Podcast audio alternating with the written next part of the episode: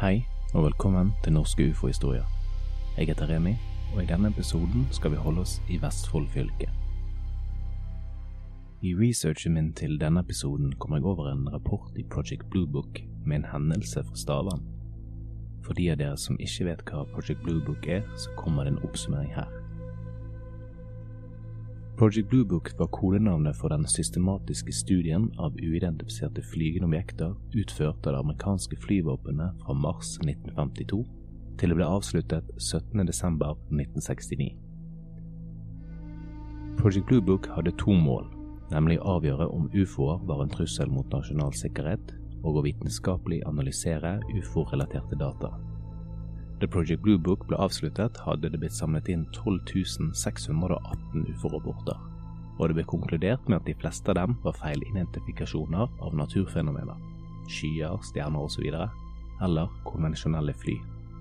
Ufo-rapportene ble arkivert og er tilgjengelig i henhold til offentlighetsloven, men navn og annen personlig informasjon til alle vitner er redigert. Rapporten som nevner stavern i Project Blue Book er som følger. Dato 13.8.1954. Lokasjon Stavern, Norge. Klokkeslett ikke kjent. Type observasjon fra bakken. Kilder militære og sivile. Oppsummering av hendelse. Objektet var stillestående i syv minutter og forsvant i en hastighet mange ganger lydens hastighet. Objektet var rundt, undersiden flat. Framsto sølv- eller aluminiumsfarget. Kommentar til rapporten for lite data til å komme med en konklusjon. I nyere tid har det vært flere observasjoner i Stavern. En av dem som har sett noe merkelig, var Rigmor Evensen og hennes to døtre, Wenche og Lisbeth. I 1983 bodde de på Solstad, og fredag 13. august dette året ser de noe de ikke kan forklare. Klokken er rundt 22, og de ser en lysende gjenstand passere over Solstad og Stavern, som deretter forsvinner sørover. Gjenstanden var trekantet i form, og hun anslår høyden til ca. 2000 meter over bakken. Hun og døtrene fulgte den en stund. Den forsvant innimellom skydekket, for så å dukke opp igjen. Farten var høy, men ikke like fort som et fly. Kursen var stødig, og den lyste i et hvitt, blankt lys. Størrelsen var vanskelig å beregne, men i forhold til månen var den omtrent halvparten så stor som måneskiven. Det var tordenvær i Stavangsdistriktet den kvelden men vakthavende meteorolog på Meteorologisk institutt kunne avvise kulelyden som en forklaring på hva Rigmor hadde sett. Og major Fredriksen ved Luftforsvarets radarstasjon på Måkerøy gikk nøye igjennom flyaktiviteten på det aktuelle tidspunktet, og uttalte at det ikke var noe kjent flytrafikk over distriktet denne fredagskvelden. Rigmor og døtrene var ikke de eneste som så noe uforklarlig over Lavriksdistriktet denne kvelden. Norsk ufo-forening, som det het den gangen, kunne melde at de hadde fått rapporter fra både Lågendalen og Helgerå. En ikke navngitt person som var på hytten med Breivann, forteller at hun også så et lysende trekantet objekt som da befant seg omtrent rett over Vindfjelltoppen. Et ektepar fra Larvik som var på vei nedover Lågendalen, hadde også sett objektet fra bilen. De mistenkte først det var en stjerne, og da objektet beveget på seg, slo de dette fra seg. Et ektepar fra Helgerå hadde en lignende observasjon, men jeg har ikke klart å finne ut noe mer spesifikt på de observerte. En utrolig spennende hendelse i Vestfold skjedde den 14. mai 1989. Den da 19 år gamle Tom Arne Heierdal fortalte om hendelsen til Østlandsposten, og kalte det den mest dramatiske og skremmende hendelsen i sitt liv. Tom Arne er på vei hjem etter å ha besøkt kjæresten sin i Andebu. Han kjører mopeden sin på en øde strekning av rv. 305.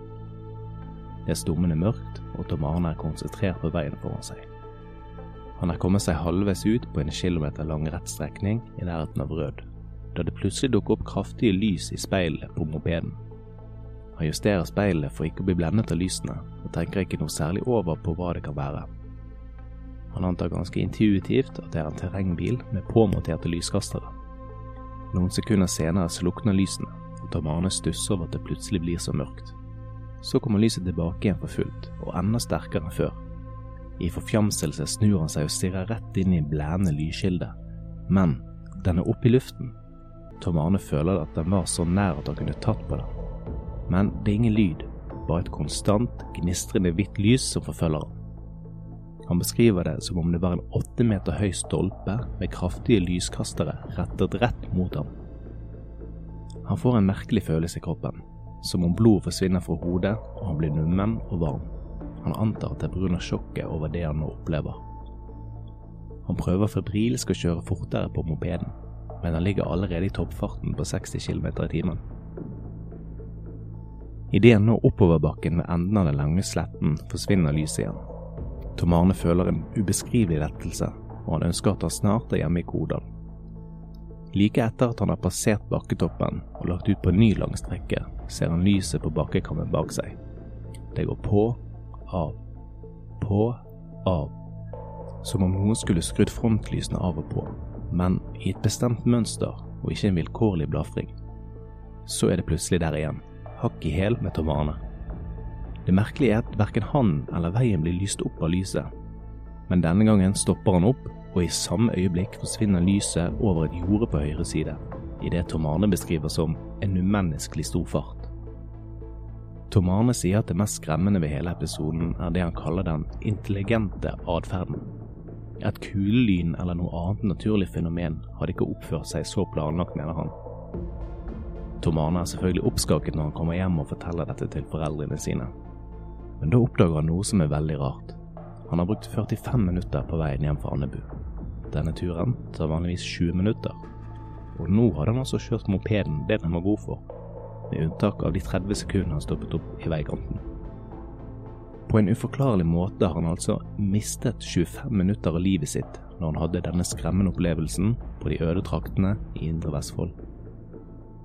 I ettertid spredde ryktet seg fort i den lille bygden, og det dukket opp forskere fra UFO Norge som snakket med Tom Arne om opplevelsen hans. De fant ut etter krysseksaminering at Tom Arne var troverdig, og ifølge radaren på Sandefjord lufthavn var det ingen flyaktivitet i området denne natten. Tom Arne har ikke noe svar på hva han så, annet enn at han så en ufo i betegnelsens rette betydning. Så får folk tro hva de vil for hans del.